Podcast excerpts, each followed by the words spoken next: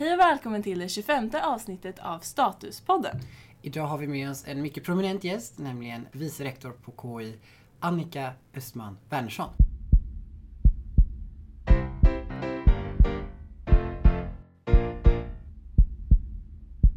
Välkommen Annika! Tack så mycket. Ehm, Så då, som Timo sa innan i introt, så är ju du vice rektor med ansvar för utbildning på grundavancerad nivå och professor i njur och transplantationsvetenskap och överläkare i patologi. Mm. Wow! Ehm, och då är vår första fråga, hur, hur var vägen dit? Ja, jag började läsa på KI 82, så jag gick Mm. läkarprogrammet här. Och sen eh, började jag forska när jag var, gick på kirurgkursen Mm. och tog studieuppehåll. Så att jag disputerade då innan jag var klar. Ah. Ja, och sen så gjorde jag AT i Stockholm här på Karolinska och, och tänkte först bli gynekolog. Mm. Men sen så blev det, jag, jag forskade inom patologi och Mm. sen så tänkte jag att jag ska prova ändå att jobba som patolog. För, att se. för att då såg jag möjligheten att kunna kombinera forskning och utbildning och, Mm. Mm. och klinik.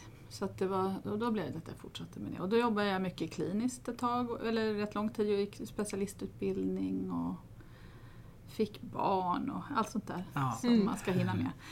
Och sen eh, hade jag hela tiden har jag undervisat liksom mycket Mm. och det har varit ett sånt här intresse. Och, och inte bara på läkarprogrammet utan på tandläkarprogram och sjuksköterskor lite grann och sådär.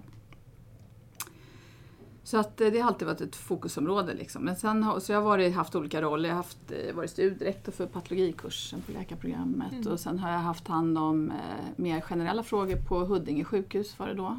Programstudierektor. Mm. Och sen har jag jobbat med klinisk utbildning. Jag var föreståndare för något som heter Centrum för klinisk utbildning där vi jobbar med att förbättra verksamhetsförlagd utbildning för alla professioner. Då. Mm. Och det var jätteintressant för då, då, fick, då var vi fyra föreståndare och jag var samordnare. Men då var det, vi var väldigt olika personer och vi, ja, efter första dagen vi så tänkte det här, hur ska detta gå? Mm. Men det, blev ett väldigt, det var väldigt lärorikt för vi hade olika professioner också. Vi, vi insåg vi hade helt olika syn på väldigt mycket saker. Men det Ja. blev väldigt intressant och utvecklande och vi tyckte vi jobbade, kom fram till mycket bra, gjorde mycket kloka saker när ni tittar tillbaka. Vi utvecklade handledarutbildning och, och eh, men det här Jobs, har ni, Mm. det har ni gjort. Det var vi som tog initiativ till. Journalregler, hygienregler och Ja, sånt där som ja. alla måste gå igenom. Precis, för det var ju också man sa att inom vården, här kommer man har ingen kunskap alls. Då, då tog vi fram den där utbildningen. Och vi jobbar även med något som heter studerandeprocessen. Om ni har sett det? Det kanske inte är lika känt. Nej. Nej, det är hur man ska ta hand om studenter inför att de kommer på en plats. Det är liksom ur olika perspektiv. Eh, Så att man har en checklista kan man säga. För en Mm. student eh, vad man behöver göra innan man kommer på sin placering och för medarbetare i vården vad man behöver tänka på. och Så, så den, den, ja, det var, och sen tog vi fram också en, en VFU-enkät som nu är lite vidareutvecklad. Så att vi gjorde jättemycket roliga saker. Ja. Och sen efter det då så ställde jag upp i valet för att bli dekan. Och eh, så blev jag vald då. Det är ju Mm. valprocess. Mm. Ja, så att, eh, och det var ju väldigt hedrande och jag stod väl Mm. sen och undrade, oj hur gick det här till och vad ska jag göra nu? Lite så. Mm. Och sen, eh, ja någonstans, jag har varit lärare på K, alltså har haft en lärartjänst jag inte haft så himla länge, sedan 2012 eller något. Mm. Eh, och sen blev jag professor 2015. eller något sånt där. Mm. Men sen så har jag jobbat mycket, nu har jag jobbat 70% som dekan förut. Och sen gjorde man om det här så då, då ställde jag upp i valet att bli vice rektor nu då. Så Mm. blev jag vald till det. ja. Det var en lång historia. Ja, det var- Väldigt intressanta Ja. grejer. Och Mm. Vi ska göra två små korta avsnitt med dig och vi Ja. kommer nog faktiskt mellanlanda på flera av Ja. de här eh, Mm. punkterna. Eh, Men först ska vi i sann traditionsanda köra lite påståenden för det har du förberett. Två sanningar och en lögn. Yes. Mm. Varsågod. Då säger jag alla tre då. Mm. Då jag var 17 år började jag jobba inom sjukvården som undersköterska. Mm. Mm. Min fritid ägnar jag gärna åt silversmide. Mhm. En dröm är att ha en hundkennel. Okej, oh wow. Intressant. Och vi Ja. brukar köra så att vi får fråga våra Ja, gäster lite absolut. frågor. För att liksom luska vidare i Ja. vad, vad är lögnen? Ja, precis. Mm. Vilken avdelning var det du jobbade eller vilket sammanhang var det när du började som USKA? Eh, Jag jobbade först i poolen på Södersjukhuset och sen framförallt på lungmedicin. Okej. Mm. Vad var en typisk arbetsuppgift du gjorde på lungmedicin då?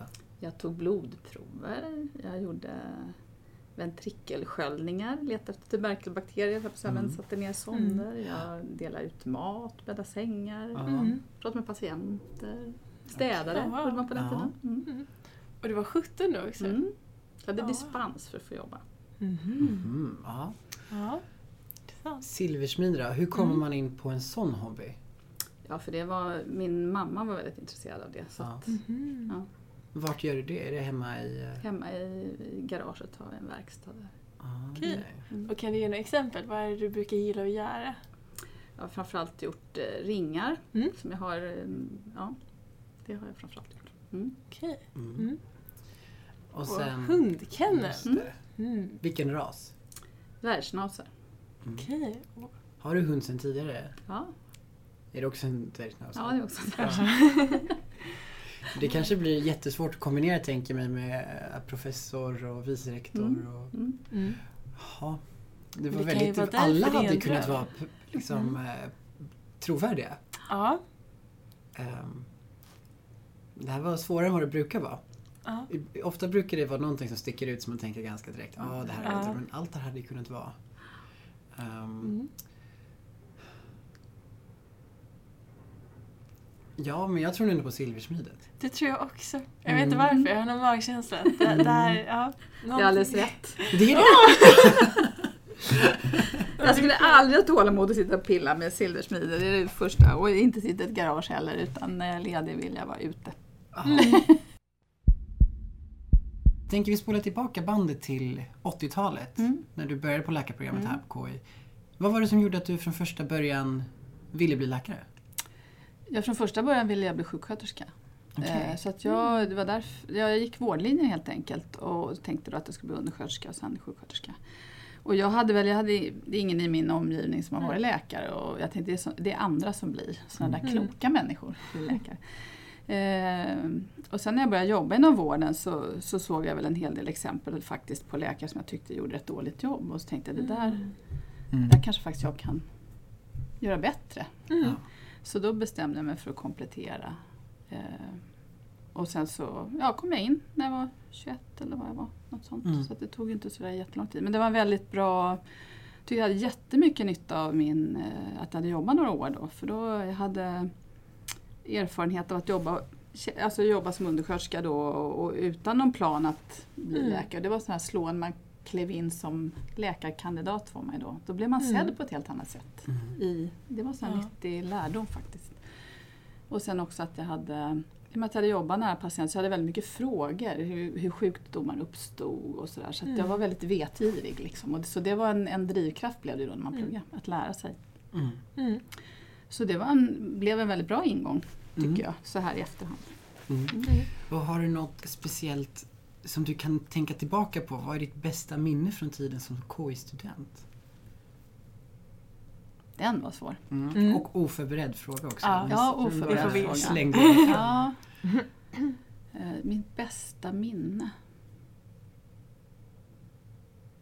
Ja, det, det, är ju lätt, det är svårt att hitta en sak men Mm. annars är det nog liksom eh, kompisar, att man, man, har, man, man blev i ett väldigt bra sammanhang och man Mm. jobbade liksom med kurskompisar på klinik. Man var ju, det var långa dagar och Mm. man backade upp varann. Och, ja, det är nog mycket det som jag Mm. tänker på. Mm. Mm. Och det är så himla viktigt också, Ja. tänker jag, just på så här, vårdprogram när Ja. man träffar mycket svåra, Mm. svåra fall. Mm.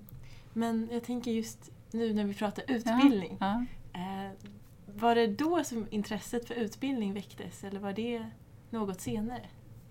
Ja, det var nog, för när jag var doktorand då, på den tiden då hade nästan alla ett uppdrag också att, att man hade assistenttjänst när man Mm. var doktorand. Mm. Och på den tiden då, då skulle man vara med i undervisningen och det var ännu mer eh, undervisning i patologi då. Så, där. så då Mm. började jag med det, jag tyckte det var väldigt roligt. Mm. Så Mm. blev det liksom att jag kom in på det spåret kan man säga. Mm. Mm. För det känns som ett ganska ovanligt spår för just läkare Mm. att ge sig in i utbildning. Det är Mm. inte jätte, det ger väl så vet jag förstått inte någon jättemerit eller någon extra lön Mm. om man tar Mm. utbildningsansvar. Ehm, har, det liksom, så det har det alltid kommit ur rent intresse av utbildning eller vad är det som lockar till utbildning för dig?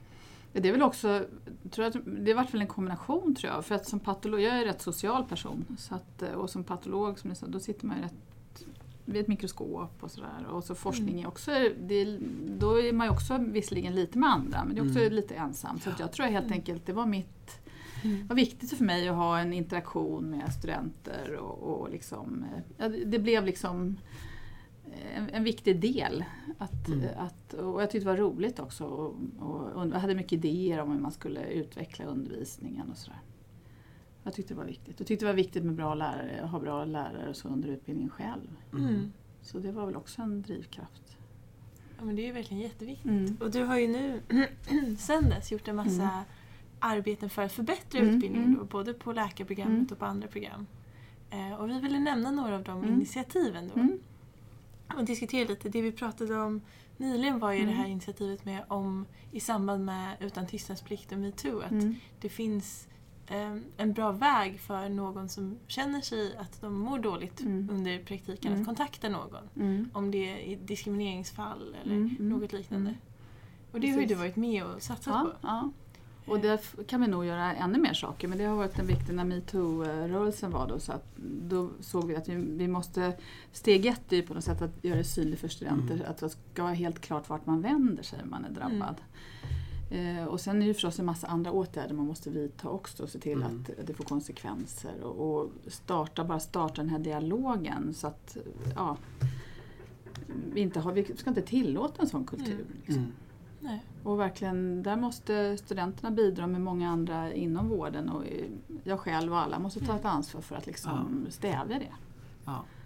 Eh, vet inte, I måndags eller någonstans Mm. i början av veckan så släppte Läkarförbundet Mm. en rapport som jag kikade Mm. igenom. Mm. Som en enkät från massa Mm. läkarstudenter som Mm. har tagit examen från Mm. de olika lärosätena i Sverige.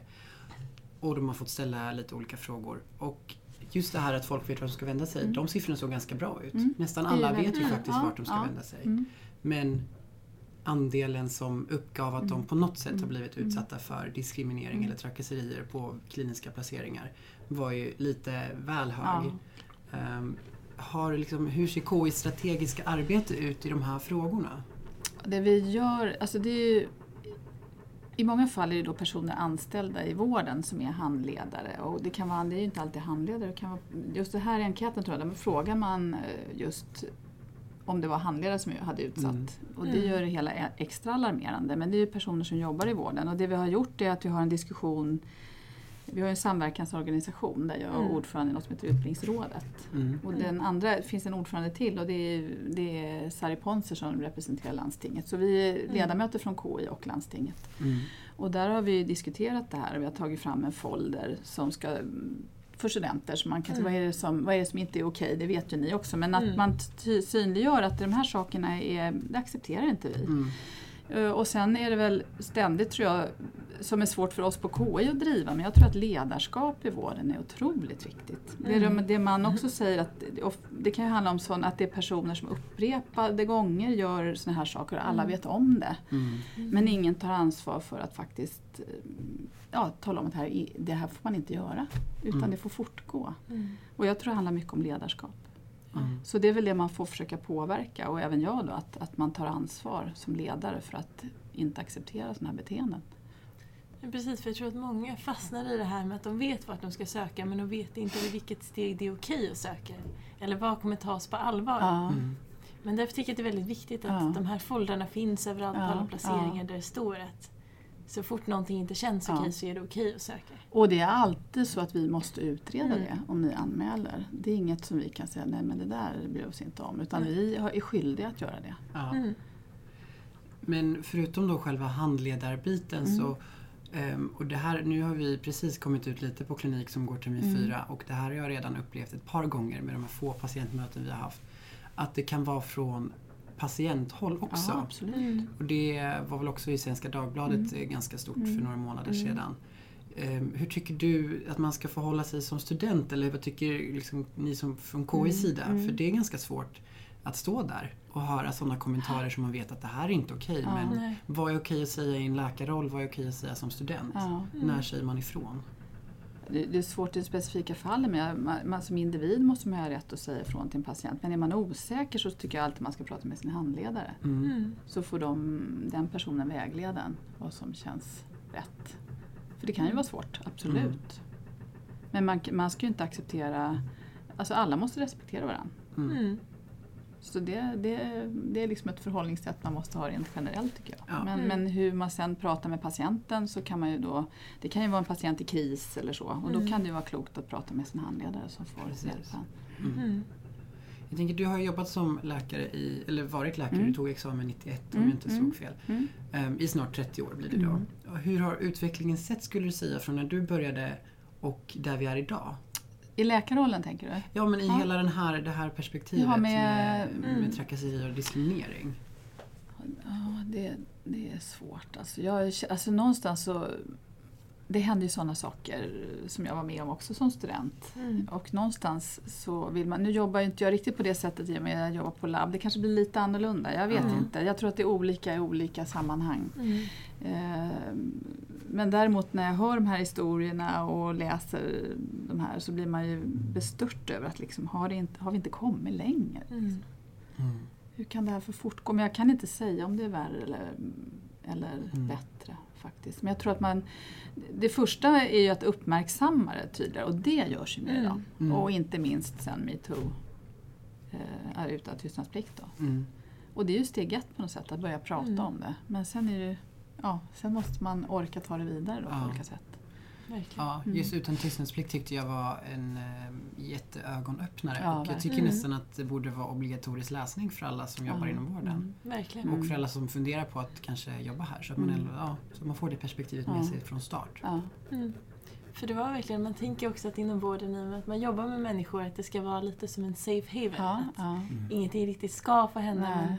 Men det är ju som att jobba med vilka människor som helst. Det finns tyvärr problem och då måste man ju göra någonting åt dem. Mm. Ehm, Så därför tycker jag det är jättebra att det finns Mm. det här initiativet. Men Mm. samtidigt så tror jag det är en fin balans, man ska inte bli avskräckt heller. Nej, Ja. oh nej. Och det, jag menar, det, det tycker jag generellt att man tappar bort. Och, ja, vad står i tidningarna? Det står om skandaler på sjukhuset och mycket Mm. negativt. Mycket, Mm. inte bara metoo utan om alla möjliga utmaningar inom vården. Och man, man läser väldigt lite om hur roligt jobbet är och Mm. vilken förmån det är för att jobba med, med patienter och, och göra nytta för andra. Att träffa andra människor Mm. och möta olika livsöden och, och så. Det, det är ju det som man det är det som är otroligt roligt och givande med det här jobbet. Mm. Eh, och det, det är på något sätt inte nyheter som slår igenom idag. Det passar inte att komma upp i mobilen. Nej. Hej vad roligt det är att jobba på, inom sjukvården. Liksom det, det är mest skandaler och katastrofer och det är tråkigt Mm. faktiskt. Ja, det stämmer. Det kom ju faktiskt en rolig Mm. nyhet från eh, andra sidan gatan, från Nya Karolinska här i veckan, Okej. om eh, hjärtoperationsköerna som hade gått ner för att de hade Mm. omorganiserat lite upp Ja. och bak. Så, så lite sånt eh, kommer ändå, Ja. men förstå Mm. vad mycket det är som händer som inte kommer fram som Ja. är positivt. Jo men och det, det, det, jag kan tycka, det är ju otrolig brist på kompetens i vården. Vi behöver ju många unga som väljer det här yrket. Mm. Och då, hur ska vi då synliggöra ja, de positiva aspekterna i bruset av allt elände? Och då kanske inte köerna för hjärtoperationer är det, utan man känner det här, hur ska, man, hur ska vi synliggöra liksom, ehm, ja, hur intressanta arbeten man kan ha som både läkare och sjuksköterska och andra Mm. vårdprofessioner. Ja. Mm. Ska vi bara försöka avsluta den här Mm. Absolut. diskussionen med att du kan väl berätta, om man som student känner sig utsatt, hur går man Mm. tillväga? Jo, man kan, om det händer någonting när man har VFU då, då ska man absolut i första hand tycker jag, prata med sin handledare. Men sen finns det också information i, på kurswebben hur man ska gå tillväga. Mm. Eh, och man kan anmäla på KIs hemsida, man kan anmäla anonymt eh, en incident. Men, och vi håller nu på att ta fram en modul där man kan anmäla en specifik sak. Alltså att, att man säger det här har jag varit med om. Och då det blir det prefekten på den, som är ansvarig för den kursen man går som får ta det här ärendet vidare. Så att säga. Och det var som du sa, det kommer alltid utredas. Ja, Ja, vi är så skyldiga att utreda. Ja. Och får man ställa frågan då Ja. vid... eh, Är det bara situationer då det är just på VFU eller om det är en handledare eller någon? Mm. Eller kan det vara om det är någon klasskompis eller någon annan eh, kanske lärare någonting som också varit? Absolut. Mm. Ja, absolut. Så det gäller ju... Eh, ja, och man får ju anmäla, sen tar det ju lite olika vägar men då Mm. är det någonting så ska man ju anmäla och så får vi ta det vidare helt enkelt. Mm. Jättebra att den Mm. informationen finns. Och som sagt, den finns på kurswebben så den kurs man läser så ska Mm. det finnas Mm. eh, informationen. Och som vi konstaterar i de flesta studentuppehållsrum på sjukhusen så finns de här Mm. broschyrerna Mm. utspridda så att man Mm. kan hitta dem där man är placerad för tillfället. Mm. Och den här enkäten som Timo då nämnde nu kommer vi länka då i beskrivningen för det här avsnittet om Mm. man vill kolla närmare på det. Yes. Så, nu har vi pratat lite om de satsningar som du har Mm, varit med mm. och bidragit till utbildning. Mm. Och då är det kanske passande att nämna att du är vice rektor med ansvar för utbildning på grund och avancerad nivå. Mm. Men som Timo och jag sett när vi kollat igenom själva struktureringen Mm. på KI, hur det funkar, så är det, det är ett komplicerat nät Ja, av ja. olika ansvarsposter. Så då Minst tänker sagt. vi att jag ska fråga dig, vad innebär det att vara vice rektor och vad är det man gör? Ja, vad gör man? man, man eh, och nu är, nu är rollen lite ny så att Mm. fortfarande är det så att vi eh, formar rollen kan man väl säga. Men, men eh, egentligen kan man säga att jag är ansvarig för, jag, sitter, jag är ordförande för kommittén för utbildning. Mm. eh, som har ansvaret för att följa upp kvaliteten för all utbildning. Det är alltså inte bara läkarprogrammet utan det är alla, alla program. Och vi ska också driva kvalitetsutveckling. Eh, och eh, nu kan man säga förut som dekan hade jag ansvar för budgeten som är någonstans drygt 800 miljoner. Nu har man flyttat över ansvaret till en fakultetsnämnd men vi bereder, eh, bereder budget, hur vi ska använda de här pengarna på ett klokt sätt. Eh, och sen följer vi upp också hur pengarna används. Och sen ska vi också driva då olika projekt som vi tror är viktiga för studenterna. Eh, och eh, det kan handla till exempel, som vi jobbar med nu, digitala examinationer. Mm. Har vi jobbat med att skrivsalarna utrustas Mm. med datorer. Vi jobbar med vilka lärarkurser vi ska ha. Vi har drivit att, att vi nu faktiskt har en enhet på plats som heter Enheten för undervisning och lärande som ska ansvara för lärarkurser. Mm. Och vi har jobbat eh, med att höja statusen för lärare. Att eh, pedagogiska meriter ska, Mm. ska, är viktiga så att säga, för att få olika typer av tjänster. Mm. Mm. Alltså vi ska jobba på ett övergripande plan kan man säga. Mm. Och vi också vi då eh, tillsätter, vi, programnämnderna för läkarprogrammet och biomedicinprogrammen ligger under kommittén. Mm. Eh, och sen har vi delegerat då ut till eh, institutioner att ta hand om andra program. Mm. Men, men vi följer upp och, och ser till att det håller kvalitet. Så att säga. Det är ju vårt, och sen bedriver vi utveckling. Mm. Så att det är ett väldigt eh, omfattande uppdrag kan man säga. Mm. Mm. Och eh, som vi då jobbar med, med den här kommittén och har olika undergrupper som driver olika typer av frågor. Och så.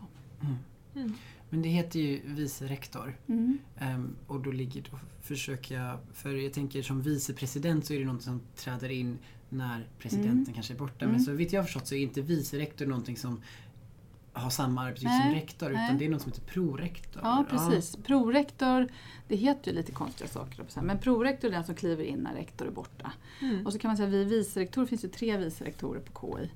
Och, och då har vi liksom ansvar för olika delar av kärnverksamheten. Och jag är ansvarig då Mm. för utbildning på grundnivå och avancerad nivå.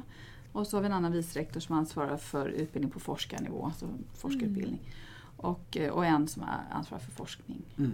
Och då, då ska vi liksom se till att till exempel att, att eh, kvaliteten är likadan överallt. Att ni studenter, eh, ja, att ja, det ska vara ett viss kvalitet hålls i all verksamhet vi har. Mm. För, eh, så att det inte är olika på olika institutioner som olika Mm. kurser och så. Ja. Det är ju så att, säga, att jobba universitetsövergripande. Så nu har det ju skett en omorganisation på KI och förutom det vi pratat om innan så finns ju även nu en fakultetsnämnd. Och vad kommer det innebära för utbildningen och för studenterna?